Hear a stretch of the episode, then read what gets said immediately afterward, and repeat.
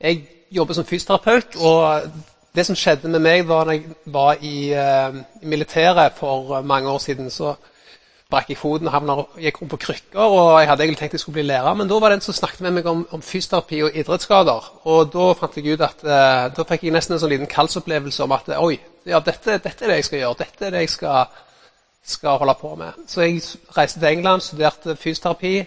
Fikk òg et møte med Gud i England, for jeg var i et veldig brennende studentmiljø. og det var veldig uh, Ja, det, det forandra meg egentlig gjerne for resten av livet, den perioden der.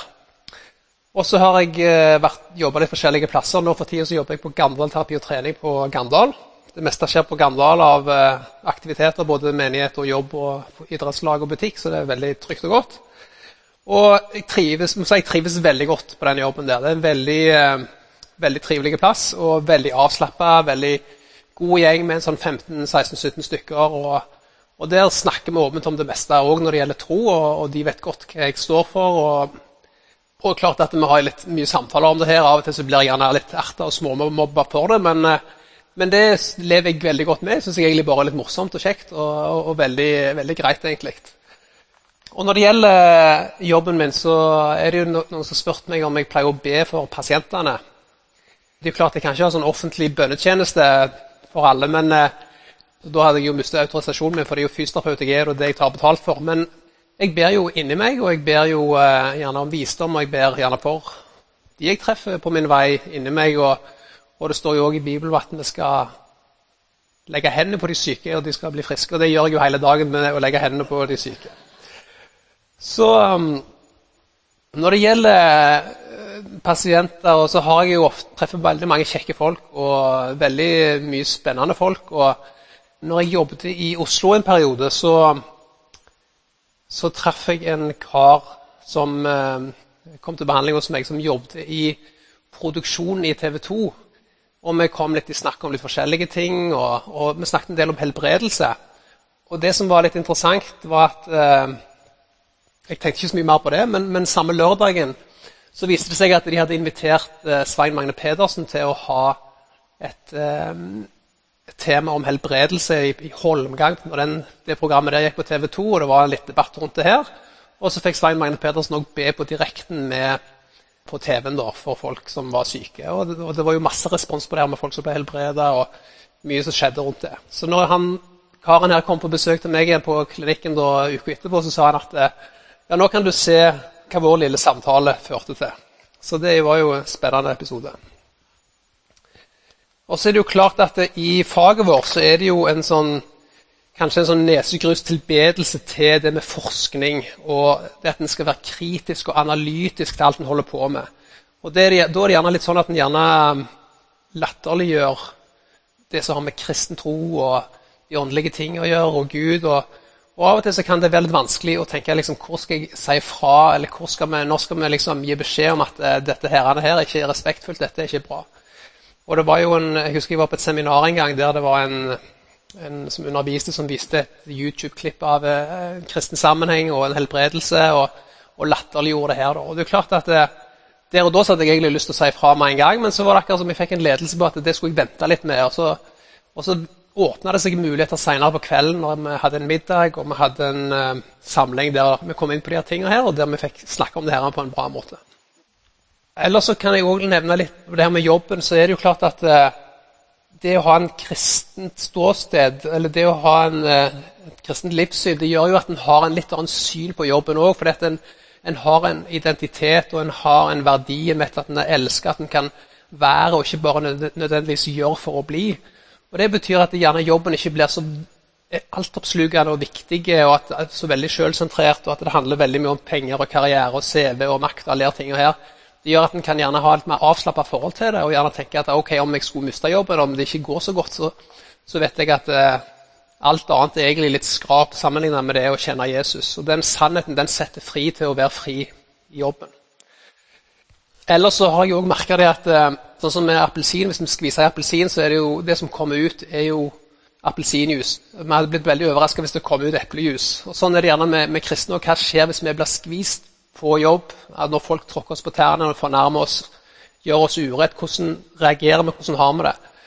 Og Jeg har jo vært gjerne i perioder der jeg har tenkt at det her på jobben der det her går ikke lenger, eller den, den og den personen klarer gjerne ikke å jobbe med lenger. altså det her, her må de forandre seg, eller de må gjøre noe. Så har jeg gjerne funnet ut at eh, det er gjerne jeg som må forandre meg. Og I Bibelen så står det at kjærligheten ikke søker sitt eget. Og Hvis Gud er kjærlighet, og vi er kalt å være kjærlighet, så er det jo rart at eh, vi blir så veldig fornærma når kjærligheten faktisk ikke søker sitt eget, for da handler det jo ikke om oss. Hvorfor blir jeg da så fornærma og tråkka på og fortvila hvis det ikke er meg det handler om, men jeg er kalt å skinne og være et lys og skinne kjærlighet til de rundt meg. Og det er jo klart at eh, Sånn sett så blir jo de som behandler meg urett, hvor det måtte være en slags mentor eller en sjanse for meg til å skinne, istedenfor at jeg skulle synes så veldig synd på meg sjøl.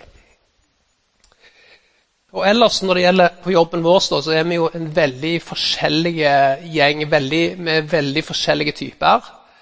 Og det har, vært, har jo vært en utfordring opp igjennom. Men vi har fått litt sånn uventa hjelp. for Vi fikk invitert eh, Jan Thorland, som er både en eh, prest og leder for Ungdom i oppdrag i Rogaland.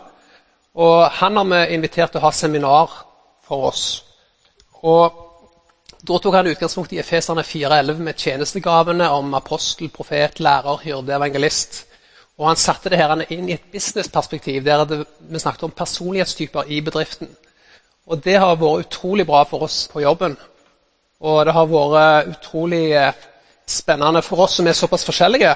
For det, eh, sånn som Jeg er gjerne en type som gjerne er litt visjonær og liker å ta litt raske avgjørelser. Jeg har gjerne følt meg litt bremsa av noen som gjerne holder litt igjen. Men det har vi sett verdiene av at vi trenger hverandre. Jeg trenger noen som tenker litt konsekvens og det var jo som en kollega av meg sa på jobben, at eh, endelig forstår jeg at jeg faktisk jeg også er viktig. Jeg er ikke bare en som bremser, men jeg er faktisk viktig i et team til å tenke konsekvenser. og Det er viktig at vi er forskjellige, at vi ser styrkene til hverandre som en styrke og ikke som en trussel. Så det har vært veldig positivt for oss. Ja, Så det var egentlig det jeg hadde lyst til å si. Dagens tekst er henta fra første Mosebok, kapittel 1, vers 27, til kapittel 2, vers 3. Og Gud skapte mennesket i sitt bilde. I Guds bilde skapte han det. Som mann og kvinne skapte han dem. Gud velsignet dem og sa til dem, vær fruktbare og bli mange, fyll jorden og legg den under dere. Dere skal råde over fisken i havet, over fuglene under himmelen, over alle dyr som de kryr av på jorden. Og Gud sa, se, jeg gir dere alle planter som setter frø, alle som finnes på hele jorden, og alle trær som bærer frukt med frø i, det skal dere ha å spise. Og til alle dyr på jorden, og til alle fugler under himmelen, og til alt som kryper på jorden, alt som har livsånde i seg, gir jeg alle grønne planter å spise. Og det ble slik. Gud så på alt det han hadde gjort, og se, det var svært godt. Og det ble kveld, og det ble morgen sjette dag. Så var himmelen og jorden fullført med hele sin hær. Den sjuende dagen fullførte Gud det arbeidet han hadde gjort. Og den sjuende dagen hvilte han fra hele det arbeidet han hadde gjort. Gud velsignet den sjuende dagen og helliget den. For den dagen hvilte han fra hele sitt arbeid. Det som Gud hadde gjort da han skapte. Slik lyder Herrens ord. Vidar spurte meg om jeg kunne fortelle litt om mine erfaringer med det å være kristen på arbeidsplassen. Jeg heter Ragnhild, for de som ikke kjenner meg. Jeg er jurist av yrke og jobber som spesialrådgiver i Stavanger kommune i staben den av direktørene der. Og Jeg har fundert mye på det med å være kristen på jobben. Hvordan ser det ut? Jeg har ikke tro på å, i forhold til mine kolleger og min arbeidsplass å, å holde på med sånn tvungen forkynnelse. Det tror jeg hadde slått feil ut i forhold til en del av de som jobber der. Men det som går opp for meg mer og mer, det er hvor viktig det er at kollegene mine vet at jeg er kristen, og at det er noe jeg ikke skjemmes av. Det ser jeg mer og mer. Og Det har ikke alltid vært sånn. Det har vært perioder i livet mitt der jeg i ulike sammenhenger ikke har hatt så veldig lyst til å fortelle at jeg var kristen, for jeg var litt redd at folk skulle synes at jeg var skikkelig lite kule. Og Jeg snakker jo med andre kristne også, og ser at det er en del som kjenner litt på det at de har ikke så lyst til å fortelle at de er kristne. Det kan bli litt sånn hvis det kommer fram at du er kristen, så er det litt sånn Jo da, jeg er kristen, altså, men jeg er ikke sånn veldig kristen, så jeg, jeg er kul. Det blir ofte litt sånn. Og jeg tenker, det kan ikke være sånn at de eneste kristne ikke-kristne møter, er folk som er flaue over at de tror på Gud. Det kan ikke være sånn at det er de eneste kristne de møter. Det eneste inntrykket de får av oss kristne, er at vi skjemmes litt over at vi er kristne. Da er det ikke løye andre folk ikke har lyst til å komme i kirka eller bli kjent med Gud hvis det høres så kjipt ut. Det kan jeg faktisk forstå. Det er så viktig at ikke-kristne treffer normale, oppegående, kjekke folk. Nå snakker jeg om dere. Normale, normale, oppegående, kjekke folk som òg er kristne og ikke skjemmes av det. Det er så viktig. Jeg tror for mange ikke-kristne det er det som skal til for at de skal begynne å vurdere om det med Gud og kristendom kanskje kan være noe for dem. Jeg tror det kan faktisk være utslagsgivende. Så det jeg har begynt å gjøre på min jobb, eller har gjort en stund, det er at jeg driver og fletter inn i samtaler der det passer seg. Jeg refererer for til at jeg pleier å gå i kirka, eller at jeg har vært på en kristen retreat i sommer. Jeg vil at kollegene mine skal vite at jeg er kristen. Og så kjenner jeg også jeg kjenner også at det forplikter at kollegene mine vet at jeg er kristen. Og det er en tanke som stadig spinner i hodet mitt på jobb. Hva slags bilde får de ikke-kristne kollegene mine av Gud når de får vite at jeg er kristen? For det er faktisk sånn at ikke-kristne sitt bilde av Gud mange ganger blir forma av det møtet de har med kristne folk på godt og vondt. Det betyr at jeg er kristen. Det må få betydning for den måten jeg oppfører meg på på jobb. Så jeg er, jeg er veldig bevisst på det. Jeg tenker at Da må jeg være en person som heter stoler på. Jeg må være et, en person som behandler andre med respekt og omtanke, og at jeg er en grei kollega. Det blir så viktig. Og så er det jo sånn at Jeg er jo ikke perfekt. Og jeg tenker mange ganger hadde jeg nå det vært, da hadde alt vært så mye enklere. Men jeg er altså ikke perfekt. Og det er jo situasjoner på jobb der jeg kjenner at jeg håndterte det ikke sånn som jeg tenker at jeg burde håndtert det som kristen. Så jeg har erfart at jeg trenger Guds hjelp på jobben. Jeg klarer ikke å være en god kristen på jobben helt alene. Jeg trenger at Gud faktisk er med meg og hjelper meg. Så det jeg gjør, er at jeg, jeg har med meg Gud på jobben hver dag. Store og små ting på jobben legger jeg fram for Gud og ber over det. Det kan være vanskelige saker jeg jobber med, krevende relasjoner med kolleger, vanskelige møter jeg skal inn i der jeg vet det kommer til å bli et høyt konfliktnivå. Og jeg, jeg er jurist, jeg blir jo, jeg jo kobla på de vanskeligste, kjipeste sakene, så det er mye konfliktsaker. Jeg trenger Gud i de sakene. Så jeg legger ting framfor Gud i bønn, og jeg har erfart at bønn virker. Jeg har gjerne gått inn i møter der, der, jeg vet at det kan gå skikkelig dårlig. Vi har gjerne krevende saker eller prosesser. Og der jeg legger ting framfor Gud i bønn, og så er det akkurat som ting faller på plass. Og jeg skjønner nesten ikke hvordan det skjedde. Og da tenker jeg at da er det Gud som har vært på ferde. Helt avslutningsvis. En erfaring jeg har gjort meg, som jeg har lyst til å fortelle til dere òg. Og det er en ting at Ta med deg Gud på jobben og legg ting framfor Gud i bønn. Men like viktig, husk å være utholdende i bønn. Husk å ikke gi opp for det om du ikke får bønnesvar med en gang. For En del ganger er det sånn at hvis vi, vi står i en vanskelig situasjon, og så ber vi til Gud. Og så ber vi én gang og to ganger og tre ganger kanskje. Kanskje til og med fire ganger. Og så, så skjer det liksom ingenting. Og så mister vi litt motet. Så slutter vi å be for den situasjonen. Og så sniker det seg inn en liten tanke i underbevisstheten om at bønn ikke virker. Det kan være det virker for noen superkristne eller en annen plass, men det virker ikke for meg i mitt liv og på min arbeidsplass. Det er en farlig tanke, og det er òg en feilslutning. Jeg har erfart at bønn virker, men noen ganger må du be over lang tid før du ser effekten. Så hvis du for står i en vanskelig situasjon på jobben, du har kanskje en krevende relasjon til en kollega, be over lang tid. Og Jeg har erfart, jeg har noen relasjoner på jobb. Jeg treffer jo veldig mye folk. og jo, Av og til så treffer du jo på folk som gjerne får fram det verste i deg. Så jeg har noen relasjoner jeg driver og ber for. Det skjer ikke en endring over natta, men jeg ber over lang tid. Så merker jeg at Gud forandrer hjertet mitt. Og jeg tror òg han kan forandre den andre sitt hjerte. Så husk på å være utholdende i bønn. Og det er noe med at Bønn virker òg på en helt vanlig sekulære norsk arbeidsplass. Da vil jeg gjerne si tusen takk til dere som har delt litt av det å være kristen og på jobb. Og det var mye, en viktig del av talen i dag. Jeg skal ikke holde en veldig lang tale. Dere skal få lov til å passe på klokka, sånn at vi avslutter når vi pleier å avslutte. For jeg syns det var viktig at vi fikk høre nettopp disse erfaringene. Og vi vil høre flere av de i høst. Det er jo litt fordi at jeg jobber jo med, jeg jobber på en arbeidsplass der alle jeg jobber sammen med, er kristne, og jeg går i en menighet og jobber med menighet. Og Derfor er det jo egentlig ikke jeg som har kompetanse på dette med relasjonen mellom tro og verden, jobben der ute. Vi vil ta utgangspunkt i et ord som eh, Ragnhild brukte her nå på slutten, som vi bruker ganske ofte, og som jeg også bruker mye. Det er liksom det sekulære, altså det verdslige, som vi skiller på i forhold til det åndelige. Det er jo et ord som vi bruker, det ordet sekulært. Det dukket opp i, i Frankrike. og var en måte for eh, myndighetene den gangen å skille mellom kirke og stat. Da fant man ut at det ordet sekulært det betydde det som er timelig, altså det som har med tiden, verden, å gjøre. Det er egentlig ikke et veldig bibelsk ord, selv om vi bruker det veldig ofte, vi kristne også. Vi lager ofte sånne skiller for å sortere og systematisere livet og verden for oss. For det har vi behov for. Jeg bruker sånne ord mye selv. Men er det egentlig mulig å si at noe i denne verden som Gud har skapt, er atskilt fra Gud? Finnes det noe sted i denne verden hvor Gud ikke er? Husker dere Salme 139? Hvor skulle jeg gå fra din pust, hvor kunne jeg flykte fra ditt ansikt? Stiger jeg opp til himmelen, er du der? Legger jeg meg i dødsriket, er du der? Tar jeg soloppgangens vinger og slår meg ned der havet ender? Da fører din hånd meg også der, din høyre hånd holder meg fast. Og Johannes 3, 16 sier, for så høyt har Gud elsket verden, at han ga.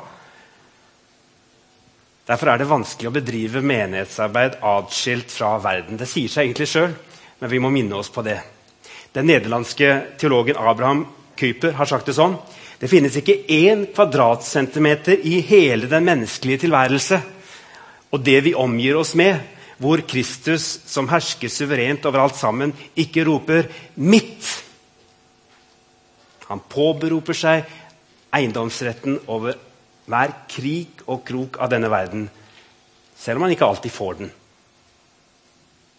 I første Mosbok 1 møter vi en Gud som har skapt verden og plasserte menneskene inn der for å være hans medskapere.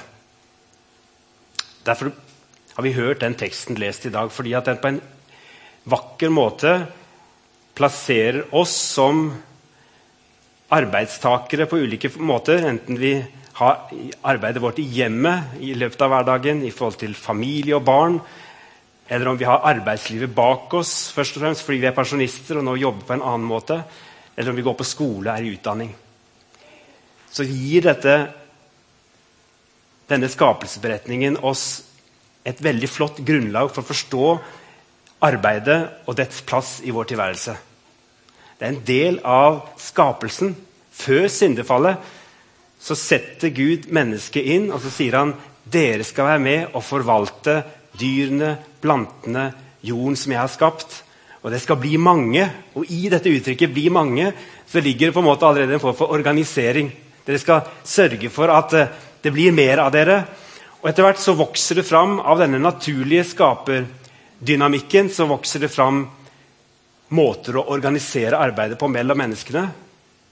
Og det vokser fram byer, og det vokser fram ulike samfunnsarenaer. Alt dette er en del av Guds gode skapeplan med menneskene. Og Derfor er det ikke sånn at vi sier at skapelsen den skjedde sju dager, og så var han ferdig, og så hvilte han. Nei, skapelsen det ser vi også av det hebraiske ordet. Det fortsetter. Han skaper hele tiden. Men hvordan skaper han? Jo da, Vi ser jo at han skaper i naturen, og at nye planter kommer til og vokser fram. Så sånn sett, jo, jo, Det er en del av skapelsen. Men, men han skaper også gjennom oss mennesker. Det betyr at eh, hver gang vi er med i produksjonsprosessen, om det er bønder eller andre som skaper noe, produserer noe som er til det beste for verden, så er det en del av skapelsen. Kanskje er det ganske selvsagt for de fleste av dere at jobben har med troen å gjøre. Men det er tydelig at vi som kirke vi sliter med å kommunisere dette. Skolelagsbevegelsen har gjennomført undersøkelser som viser at mange unge voksne sliter med å forstå at det er noen sammenheng mellom troen og den jobben de er i ferd med å utdanne seg til.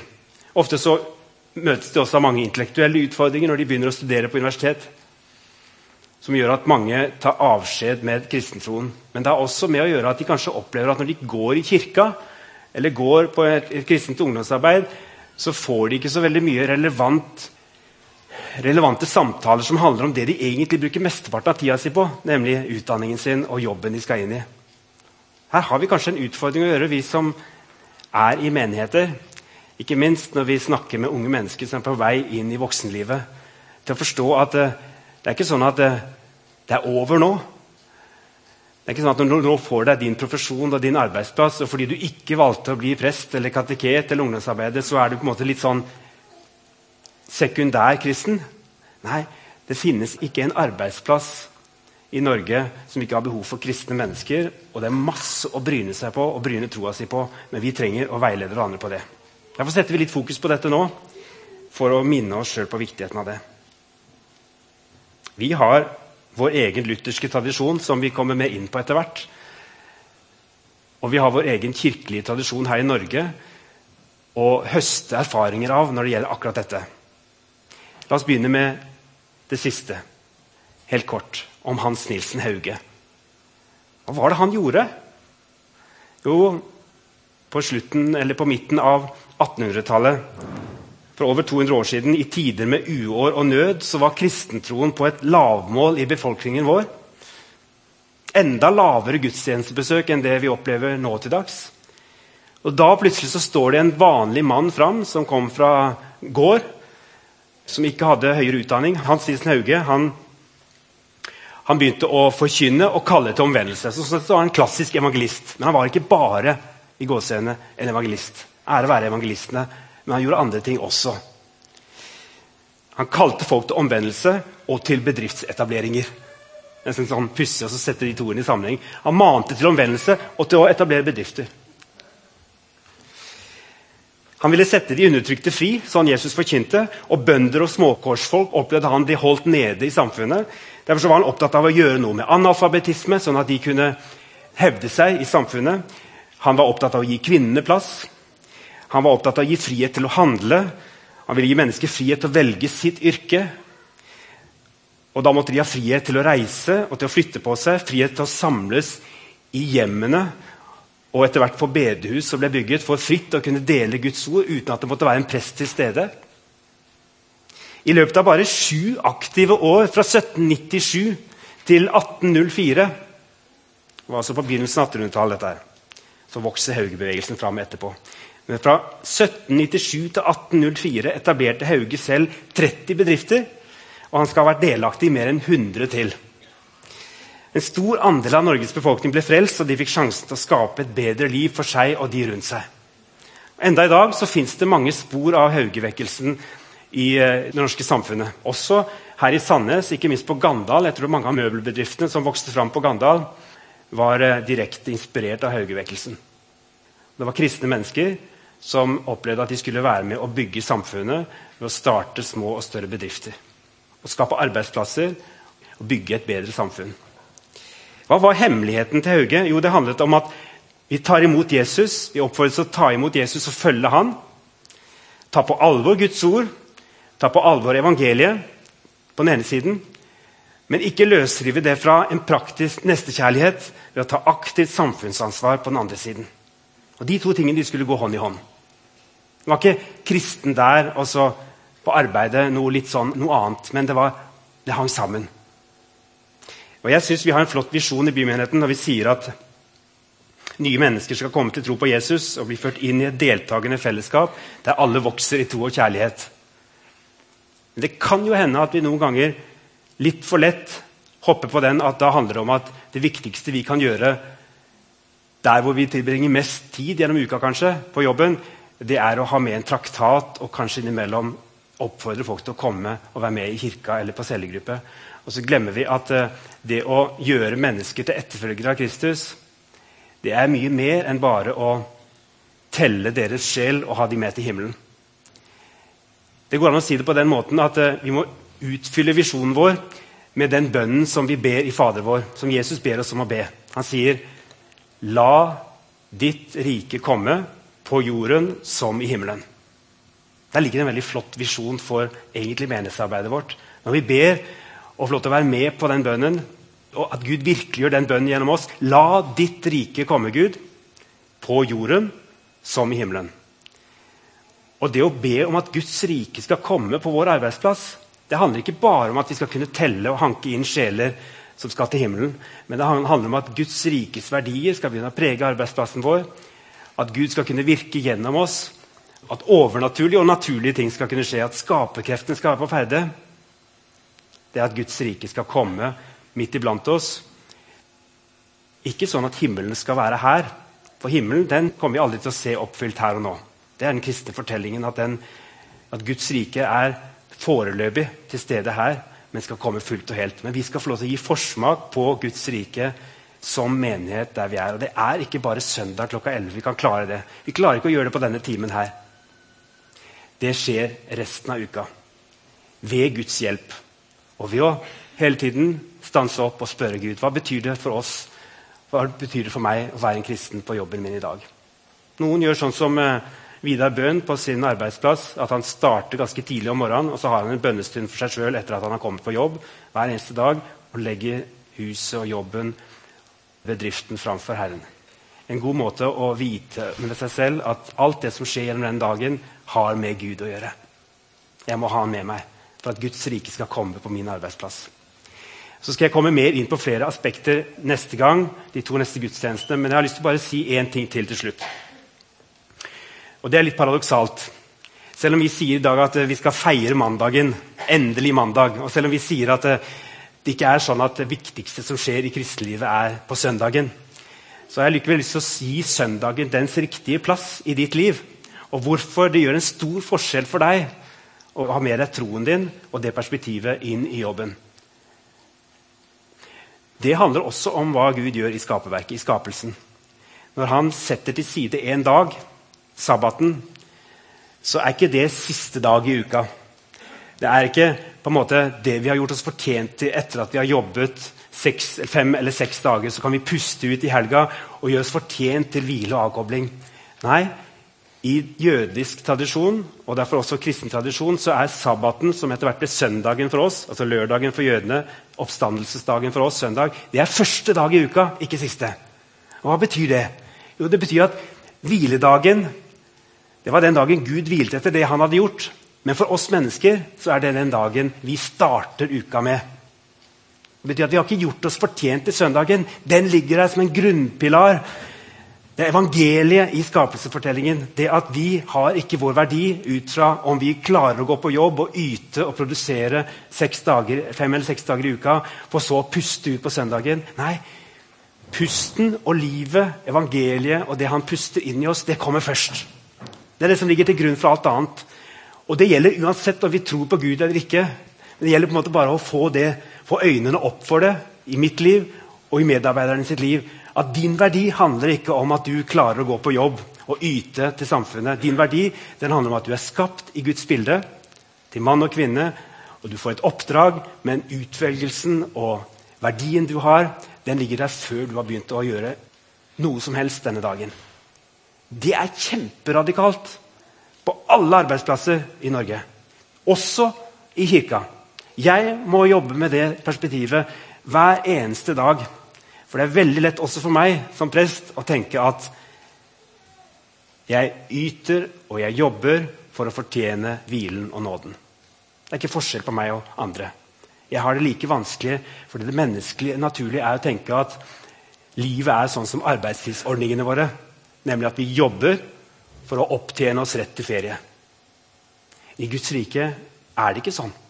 I Guds rike får vi ikke vår verdi og vår lønn etter hvor mye vi har gjort. I Guds rike ligger hvilen og evangeliet og gavene fra Gud, skapergaven fra Gud, de ligger der først. Og så får vi lov til å gå i dem, i de ferdiglagte gjerningene. Skal vi be. Kjære himmelske Far. Vi ber om at du hjelper oss denne høsten til å se at troen vår den har alt med hverdagen vår å gjøre. Enten vi går på jobb eller vi har andre tjenester for samfunnet der vi er, på fritid eller i familieliv. Hjelp oss Herre, til å se at eh, det ikke finnes et lite støvfnugg eller sted på jorda hvor ikke du kan være, og det å tro på deg kan ha betydning. Så jeg om at du viser oss hva det betyr å be komme ditt rike på våre arbeidsplasser og i vårt samfunn. Og hjelp oss til å virkeliggjøre ditt rike i glimt her og nå, og peke på det evige riket, det fantastiske riket du er med å gi oss når du skaper en ny himmel og en ny jord. Takk for denne fortellingen som vi får lov til å leve våre liv innenfor, og den verdien som du gir oss, og som gir oss det rette perspektivet også på jobben vår. La oss få lov til å hvile i din nåde og tjene deg med våre gaver. Der vi er. I Jesu navn. Amen.